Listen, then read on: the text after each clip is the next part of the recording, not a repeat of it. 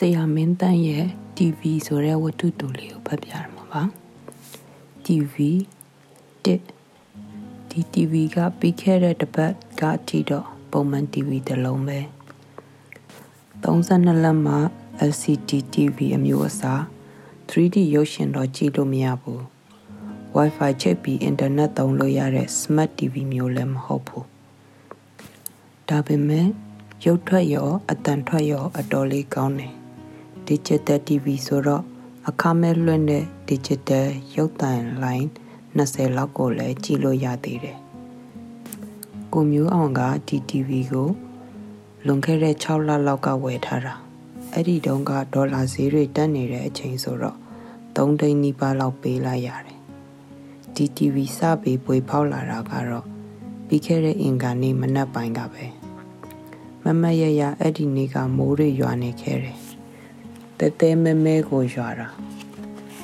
ဘယ်တော့မှမတိတ်တော့ပဲတသက်လုံးရွာတော့မဲ့ပုံစံမျိုးနဲ့ကိုရွာနေခဲ့တာ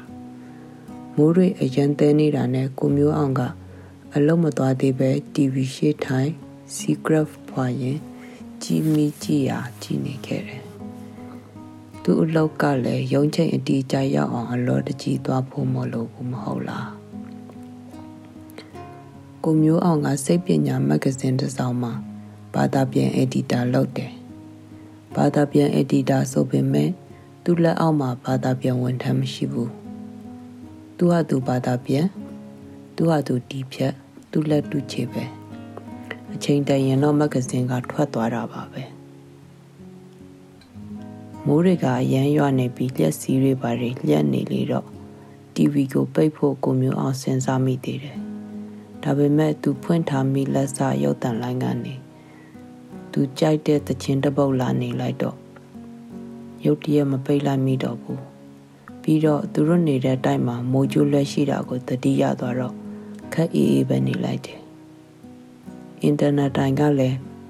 အခန်းထဲမှတင်ဆိုတော့စိတ်ပူစရာသိမရှိတော့ဘူးပေါ့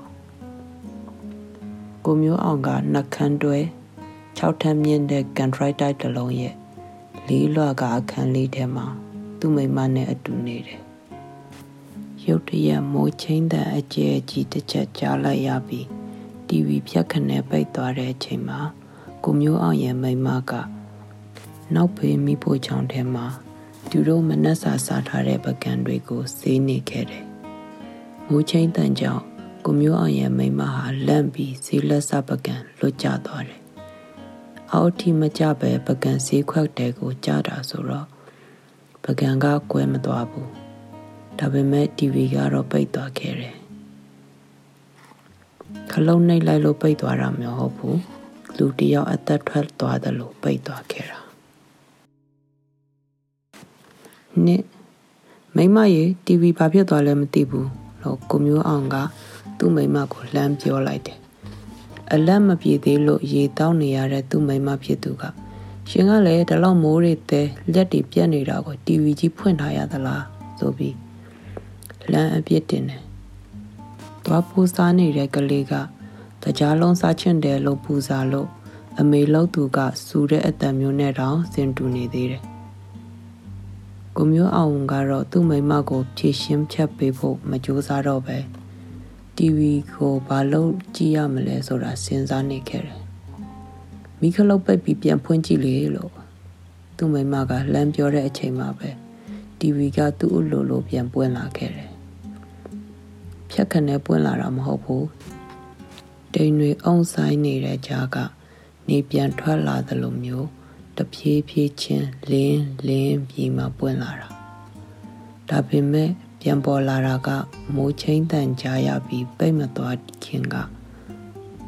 ဖွင့်ထားတဲ့ရုပ်တံလိုက်ပဲရုပ်ပေါ်တာရောအတန်ထွက်တာရောဘာမှချွတ်ရင်သွားပုံလည်းမပေါ်ဘူး ဒါနဲ့ကိုမျိုးအောင်လဲညော်နှမ်းတွေပါတွေထွက်နေသေးလားတီးရအောင်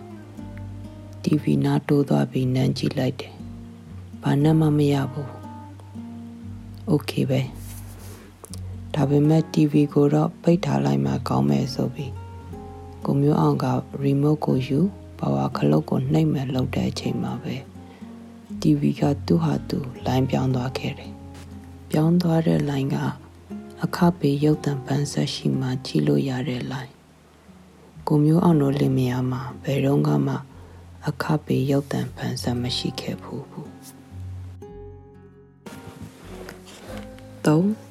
ရက်သွားပြီလားကိုမျိုးအောင်ရဲ့မိမကအစိုးဆုံးကိုမျောလင့်ထားတဲ့အတန်နဲ့အိမ်ရှိခံကိုထွက်လာရင်မေးတယ်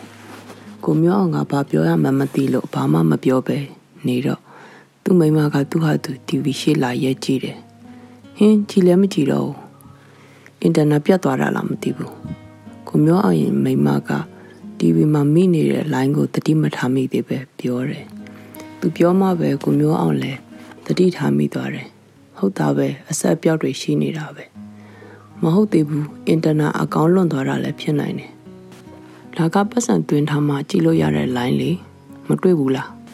ဒုတိုင်အောက်ကလက်ဖေးဆိုင်မှာပြပြနေတဲ့ line လေးလို့ ကိုမျိုးအောင်က TV ညာဘက်တောက်မှာပေါ်နေတဲ့ channel တစ်စိတ်ကိုလက်ညှိုးထိုးပြီးပြောလိုက်တယ်ဟုတ်ပါရဲ့ဒါဆိုရင်တော့ပွားတာပဲရုပ်ရှင်တွေအလကားကြည့်ရတော့မယ်လို့ကိုမျိုးရဲ့မိမကဝမ်းသာအရာပြောတယ်သူထင်တယ်လို့မဟုတ်ကြောင်ကိုမျိုးအောင်ကရှင်းပြမလို့လောက်တော့မှာပဲ TV ကအရင်ဖွင့်ထားတဲ့အလိုင်းကိုသူ့အလိုလိုပြန်ပြောင်းသွားတယ်ဒီတစ်ခါမှတော့ရုပ်ကကြည်ကြည်လင်လင်ပဲအတန်လဲပြန်ထွက်လာတယ်အဲ့ဒီတော့မှကိုမျိုးအောင်နဲ့သူ့မိမလည်း ခုနက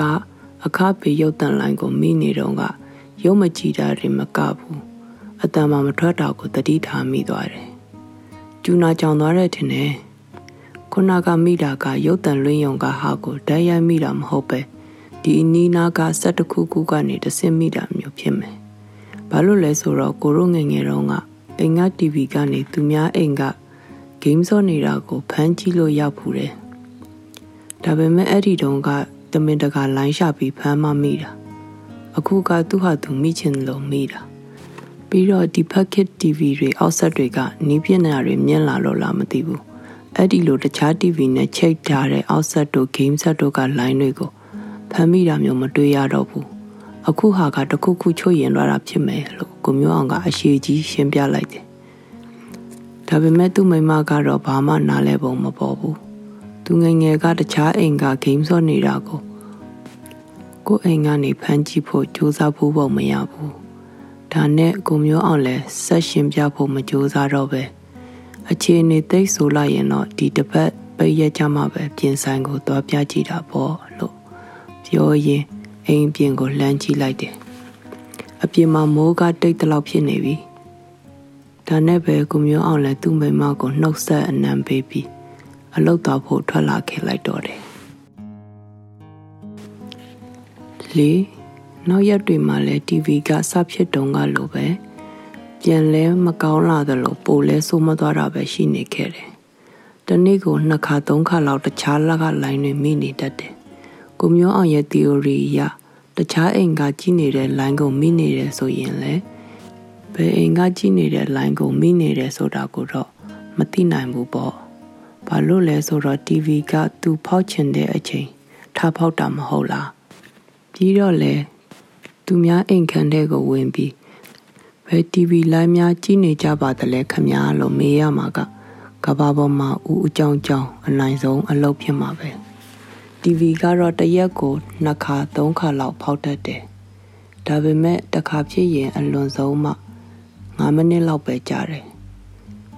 ဒီတော့ကိုကြိုက်တဲ့ဇက်ကာလာနေလို့ကြီးနေတော့ရုတ်တရက်လိုင်းပြောင်းသွားလို့စိတ်အနှောက်အယှက်နည်းနည်းဖြစ်ကြတာကလွယ်ရင်တိတ်အဆိုးကြီးတော့မဟုတ်လာဘူးပြီးတော့ကိုမျိုးအောင်လက်ထဲမှာကလောက်ကုံရက်ဆိုတော့ပတ်စံကနဲနေတာကြောင့်ဒီတပတ်ပိတ်ရက်မှာပြင်ဆိုင်ကိုသွားမပြဖြစ်တော့ဘူးဒီလိုနဲ့ပိတ်ရက်တနင်္ဂနွေနေ့ညမှာပဲ TV ကတမျိုးတဖုံပြောင်းလဲသွားတယ် ဒီတစ်ခါမှာတော့ဘလို့ဖြစ်တယ်ဆိုတာကိုကိုမျိုးအောင်တယောက်သူ့မိမကိုရှင်းမပြတတ်ရုံတင်မကဘူးသူကိုယ်တိုင်မှနားမလဲတော့ဘူးငါအဲ့ဒီညတုန်းကကိုမျိုးအောင်ဟာအလုံးမရှိတာနဲ့သူ့မိမချီတဲ့ကိုရီးယားဇလန်တစ်ပွဲတစ်ခုကိုစိတ်မပါပဲကြည်နေခဲ့တယ်သူ့မိမကတော့အဲ့ဒီဇလန်တွေအကြောင်းသူ့ကိုစိတ်ရှိလက်ဖြစ်ရှင်းပြနေတယ် အပြင်မှာကမိုးနေနေရွာနေတယ်အဲ့ဒါကြောင့်ကိုမျိုးအောင်နဲ့သူ့မိမဟာလက်ဖိတ်ရည်စင်းမတော့ပဲ TV ထိုင်ကြည့်နေခဲ့ကြတာ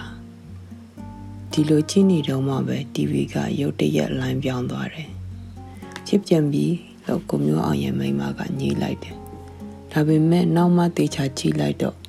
သူတို့ TV မှာမိနေတာဟာဘာရုပ်သံလိုင်းမှမဟုတ်ဘူးဖြစ်နေတယ်အနည်းဆုံးတော့ TV ရဲ့ညာဘက်တော့မှာ ဘာချင်တဲ့တစ်စိမ့်မှမရှိနေဘူးပြီးတော့ပေါ်နေတဲ့ရုပ်ပုံကလည်း CCTV ကင်မရာတစ်ခုကရိုက်ထားတာကိုဒါမှမဟုတ်ရိုက်နေတာကိုမြင်ရတဲ့မြင်ကွင်းမျိုးကာလာပါပင်မဲ့ခက်မိန်မိန်ပဲ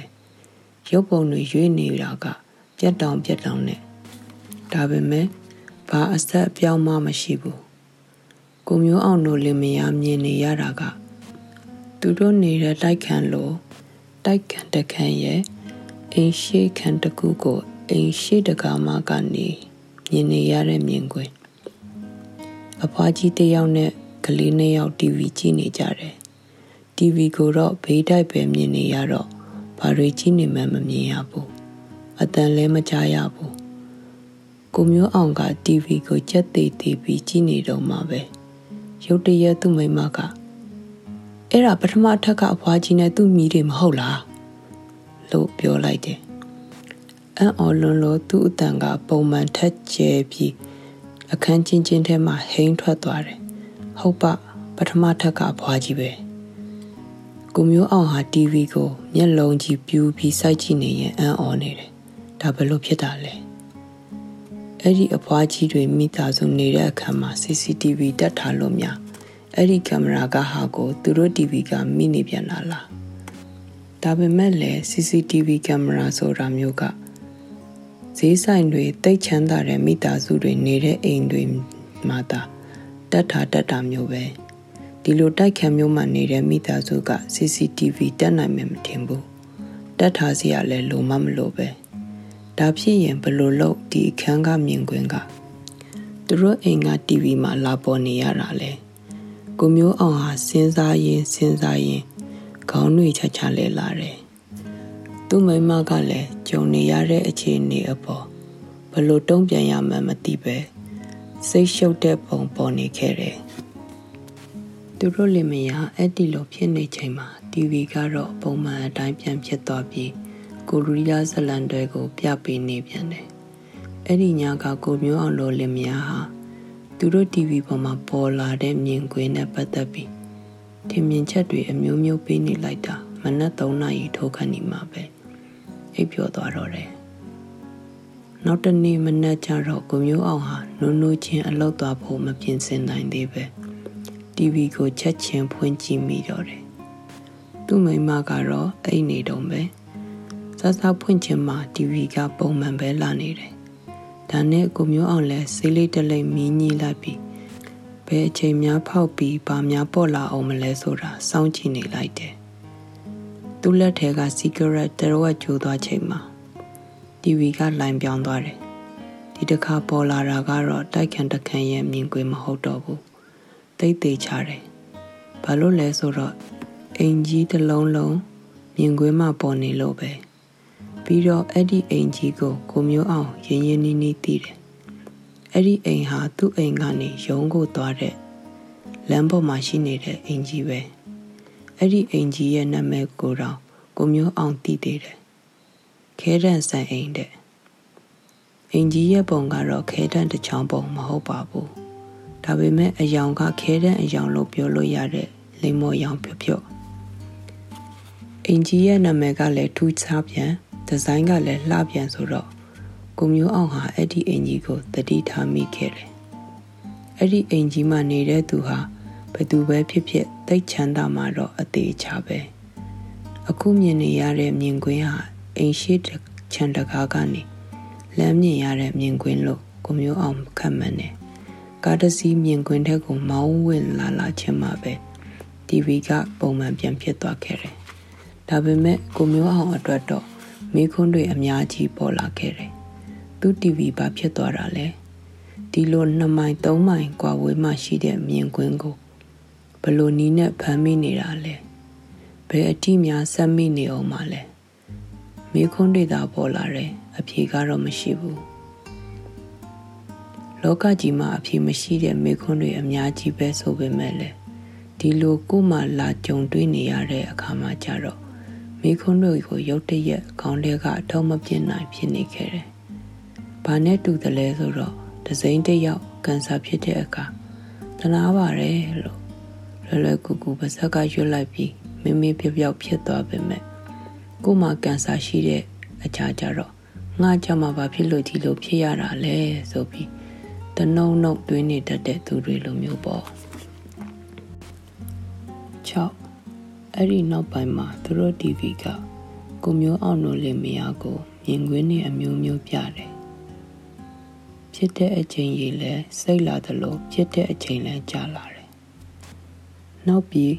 ကြည့်ဖို့မြင်ဖို့မသင့်တော်တဲ့မြင်ကွင်းတွေပါပါလာတယ်ဥပမာပြောရရင်တိုက်ခန်းတစ်ခုထဲမှာယောက်ျားတစ်ယောက်နဲ့မိန်းမတစ်ယောက်ချစ်ရည်လူနေတဲ့မြင်ကွင်းမျိုးရေချိုးခန်းထဲမှာမိန်းကလေးတစ်ယောက် မိမွေဖမွေအတိုင်းရေချိုးနေတဲ့မြင်ကွင်းမျိုးတွေပဲပိုဆိုးတာကအဲ့ဒီလိုဖောက်ပြီးဘယ်ကမှမသိတဲ့မြင်ကွင်းတွေတခါတလေလဲဘယ်နေရာမှန်းသိနေတဲ့မြင်ကွင်းတွေပေါ်နေတဲ့အချိန်မှာ TV ကိုဘာမှထိန်ချုပ်လို့မရတော့တာပဲမရဆိုဘလို့မှကိုလုံးလို့မရတာလိုင်းပြောင်းလို့လည်းမရဘူးပါဝါပိတ်လို့လည်းမရဘူး နောက်ဆုံးမီးပလက်ကိုဆွဲဖြုတ်တာတောင်မရတော့ဘူးအဲ့ဒီအချိန်မှာ TV ဟာသူ့ကိုယ်ပိုင်စွမ်းအင်နဲ့သူပြက်ချင်တာကို ပြနေသလိုပဲဒီလိုနဲ့တော်တော်လေးစိတ်အနှောက်ယှက်ဖြစ်လာရပြီးလက်ကုံရင်ပြင်ဆိုင်ပို့တော့မယ်ရဲ့လို့ဆုံးဖြတ်လိုက်ပြီးတဲ့နောက်တစ်ရက်မှာပဲကိုမျိုးအောင်တယောက်အစိုးဆုံးကိစ္စနဲ့ရင်ဆိုင်ရတော့တာပဲခွန် အဲ့ဒီနေ့ကတိုက်ခန်းထဲမှာကိုမျိုးအောင်တယောက်တည်းရဲ့မိမဖြစ်သူကသူ့တငယ်ချင်းတယောက်အိမ်မှာအလူရှိလို့ဆိုပြီးမနက်စောစောကတည်းကထားထွက်သွားတယ်ကိုမျိုးအောင်ကတော့မနက်စောစောမထားချင်တာနဲ့လိုက်မသွားတော့ပဲအိမ်မှာနေကြံခဲ့တယ်အိယာကနိုးလာပြီးတော့ကိုမျိုးအောင်ဟာမျက်နှာမသစ်သေးပဲ TV ကိုဖွင့်လိုက်မိတယ်အဖေတခုခုများပေါ်ပြီးရှင်းရှင်းလင်းလင်းဖြစ်သွားမလားဆိုတဲ့ မျှော်လင့်ချက်ပဲဒီတခါစောက်ဖွင့်ဖွင့်ချင်းမှာပဲ TV မှာတိုက်ခန့်တခန့်ရဲ့မိဖို့ချောင်တစ်ခုပေါ်လာတယ်အဲ့ဒါသူတို့တိုက်ကတိုက်ခန့်လားတခြားတနေရာကတိုက်ခန့်တစ်ခုလားဆိုတာတော့ကိုမျိုးအောင်မခွဲတတ်ဘူးရန်ကုန်မှာတိုက်ခန့်တော်တော်များများကတပုံစံတည်းမဟုတ်လားမိဖို့ချောင်ထဲမှာတော့အမျိုးသမီးတယောက်ဟင်းချက်ဖို့ပြင်နေတဲ့ပုံပဲ နောက်ကျောကိုပဲမြင်နေရတော့ဘာလုံးနေတယ်ဆိုတာသိချတော့မမြင်ရဘူးတခုခုလီးနေတယ်လို့ထင်ရတယ်အဲ့ဒီအမျိုးသမီးဟာညအိတ်ကဝန်ပပကလေးဝတ်ထားတယ်အတော်လှတာပဲလို့ကိုမျိုးအောင်တွေးလိုက်ပြီးစက်ကြည့်တဲ့မကြည့်တဲ့စဉ်းစားနေမိတယ်ဒါပေမဲ့အကြည့်ကိုတော့ TV ဖန်သားပြင်ပေါ်ကနေမခွာမိဘူးခဏနေတော့မြင်ကွင်းထဲကို အမျိုးသားတစ်ယောက်ဝင်လာတယ် သူကြည့်ရတာစိတ်တုန်နေသလိုပဲအစကတည်းကမိဖို့ချောင်ထဲမှာရှိနေတဲ့အမျိုးသမီးဘက်ကိုလက်ညှိုးထိုးပြီးတခုခုပြောနေတယ်။ TV ကနေအတန်မကြားရပေမဲ့လည်းသူ့ပုံစံကိုကြည့်ရုံနဲ့အော်ဟစ်နေတယ်ဆိုတာသိတာတယ်။ခဏနေတော့အမျိုးသမီးကအမျိုးသားဘက်ကိုလှည့်လာတယ်။သူ့မျက်နှာဟာသူ့ကိုယ်ခန္ဓာလိုပဲကြည့်ကောင်းတယ်။ဒါပေမဲ့သူ့ကိုကြည့်ရတာလဲဒေါသဖြစ်နေတယ်လို့ပဲ။ အမျိုးသားဖြစ်သူကိုပြန်လဲအော်ဟစ်နေတယ်။လက်ထဲမှာလဲကြက်သွန်တီလျက်ဓာတ်ကိုကြစ်ကြစ်ပါအောင်စုပ်ထားသေးတယ်။လင်မယားရံဖြစ်နေတာဖြစ်မယ်လို့ကိုမျိုးအောင်တွေးလိုက်တယ်။ခဏနေတော့တင်းမမှုကပုံမြင့်လာတယ်။အမျိုးသားကခုံတလုံးကိုစောင့်ကန်လိုက်တယ်။ပြီးတော့အမျိုးသမီးနာကတ်သွားပြီးလက်တွေကိုချုပ်ဖို့ကြိုးစားနေတယ်။ အမျိုးသမီးလက်ထဲကဓာကြောင့်အခြေအနေကအန်ဒီရဲ့အယမ်းများသွားတယ်ကိုမျိုးအောင်ကတော့နေရာမှာတင်ချက်တည်တည်နေပြီးဘာလို့ရမှမသိဖြစ်နေတယ်။ရဲစခန်းကိုဖုံးဆက်ရအောင်ကလည်းဘယ်မှာဖြစ်နေမှမသိတကယ်လို့ဖြစ်နေတဲ့နေရာကိုတီးအောင်တော့ဘယ်လိုတီးတာလဲဆိုတဲ့မေခွန်းအတွက်သူဖြေရမယ့်အဖြေဟာတိတ်ဦးကြောင်ကြောင်နိုင်နေမှသိချတယ်။ဒါနဲ့ပဲကိုမျိုးအောင်ဟာ TV ကိုစက်မကြည့်တော့ပဲမျက်နှာလွှဲနေဖို့ကြိုးစားလိုက်တယ်။ဒါပေမဲ့မမီတော့ဘူး။သူမျက်နှာလွှဲဖို့ကြိုးစားတာမအောင်မြင်ခင်မှာပဲအမျိုးသမီးလက်ထဲကဓာဟာအမျိုးသားရဲ့လက်ပင်ကို ထုံးမိသွားခဲ့ပြီ။အမျိုးသားဟာသူ့လက်ပင်ကိုလက်နှစ်ဖက်နဲ့အုပ်ပြီးတဖြည်းဖြည်းဒူးထောက်ကျသွားတယ်။အမျိုးသမီးကတော့ကြောက်အားလန့်အားနဲ့ဓာကိုလွတ်ချပြီးထွက်ပြေးသွားခဲ့တယ်။ နောက်တော့ TV ဟာလည်းပုံမှန်အတိုင်းဖြစ်သွားခဲ့တယ်ရှစ်အဲ့ဒီကိစ္စကိုညရောက်တော့ကိုမျိုးအောင်ကသူ့မိမကို ပြန်ပြောပြလိုက်တယ်ပြီးတော့ဒီကိစ္စကြောင့်သူစဉ်းစားမိတာတခုကိုပါတခါတည်းပြောပြလိုက်တယ်တို့ TV ကိုပြင်ဆိုင်ဖို့လို့ရောင်းပြလို့တော့မဖြစ်ဘူးထင်တယ်ဘာလို့လဲဆိုတော့ TV ပြင်ဆိုင်ကလူတွေက တို့ TV ဖြစ်တယ်လို့မျိုးကိုပြင်နိုင်စရာအကြောင်းမရှိလာဘူးဒါတဘာဝလုံးကိစ္စဖြစ်နေပြီတို့စီမှာထူးဆန်းတဲ့ TV တစ်လုံးရှိတာကို လူတွေသိသွားပြီးမကောင်းတဲ့အကျိုးဆက်တွေဖြစ်လာဖို့ပဲရှိတယ်ပြီးတော့ရောင်းလိုက်ပြန်ရင်တော့လေတို့စီကဝယ်သွားမဲ့လူကဒီ TV အကြောင်းသိသွားပြီး TV မှာ TV မှာပေါ်လာတဲ့မြင်ကွင်းတစ်ခုခုကိုအသုံးချပြီး မဟုတ်တာလုပ်ဖို့ကြံစီရင်ဘယ်လိုလုပ်မလဲဥပမာသူတို့မမြင်သင့်တာတစ်ခုခုကိုမြင်သွားပြီးငွေညစ်ဖို့ကြိုးစားတာမျိုးပေါ့မဟုတ်ဘူးလားကိုမျိုးအောင်ရဲ့အတွေးကို သူ့မိမကလည်းထောက်ခံတယ်ဒီလိုနဲ့သူတို့လင်မယားဟာဒီ TV ကိုဆက်မကြည့်တော့ပဲပုံးထဲပြန်ထည့်ထားပြီးတင်ထားလိုက်ဖို့နဲ့ပတ်စံစုပြီးနောက်ထပ် TV အသစ်တစ်လုံးဝယ်ဖို့ဆုံးဖြတ်လိုက်ကြတယ်အစကတော့ပေါ်ချင်တာပေါ်နေတဲ့ TV ကို ရိုက်ခွဲလိုက်ပြီးလွတ်ပြစ်လိုက်ဖို့ကိုကိုမျိုးအောင်စဉ်းစားသေးတယ်။ဒါပေမဲ့ဒီလိုသိန်းကနန်းတန်တဲ့ပစ္စည်းတစ်ခုကိုရိုက်ခွဲဖျက်ဆီးဖို့ကလူလက်တန်းစားမိသားစုမှာကြီးလာတဲ့ကိုမျိုးအောင်တို့လင်မယားနှစ်ယောက်စလုံးအတွက်မလုံးတဲ့အရာတစ်ခုလိုဖြစ်နေခဲ့တယ်။ပြီးတော့ဒီထူးဆန်းတဲ့ TV ဟာသူ့ကိုရိုက်ခွဲတာမျိုးလက်ခံပါမလား။လက်မခံလို့တခုခုဒုက္ခပေးလိုက်ရင်ဘယ်လိုလုပ်မလဲ ပြီးတော့လေ TV ကပိတ်ထားပြီးတင်ထားတဲ့ဂျာကသူ့အလိုလိုပွင့်ပြီးမိချင်တာတွေမိနေအောင်မှဆိုတော့အတန်မထွက်တဲ့အတွက်ပုံးထဲမှာထည့်သိမ်းထားလိုက်ရင်ဘလို့မှစိတ်ဒုက္ခပေးနိုင်တော့မှမဟုတ်ဘူးလို့ကိုမျိုးအောင်တွေးတယ်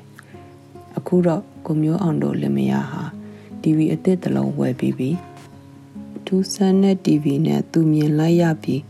ဘာမှမတတ်နိုင်လိုက်တဲ့အနုထယုံမြင်ခွင့်အကြောင်းကိုကိုမျိုးအောင်ဟာ အချိန်အတော်ကြာအောင်ခေါင်းထဲကမထုတ်နိုင်ဖြစ်ခဲ့သေးတယ်။ဒါပေမဲ့အခုတော့ဒီကိစ္စဟာကိုမျိုးအောင်အတွက်ဂျူသားတွေနဲ့ပကံများတဲ့တွေကိစ္စလို့ကဘာကြီးရဲ့အစကိုရှာဖွေနေတဲ့ကိစ္စလိုမျိုးအချိန်မူရွေးထားဖြစ်နိုင်ပေမဲ့ဘာကြောင့်ဘယ်အချိန်ဖြစ်မယ်မှန်းမတိရတဲ့ကင်ဆာယောဂအန္တရာယ်လိုမျိုးကဘာကြီးမှာအစာရည်စာပြက်လက်နေတဲ့ ကလေးသူငယ်တွေအများကြီးရှိနေသေးတဲ့ဆိုတဲ့ကိစ္စလိုမျိုးစတဲ့အဖြေရှာဖို့လိုနေပေမဲ့အဖြေမထုံးနိုင်လို့မသိချင်ဟန်ဆောင်နေရတဲ့ကိစ္စတွေလိုဖြစ်သွားပြီဆိုလိုတာကတခါတခါတော့တွေးမိတတ်တယ်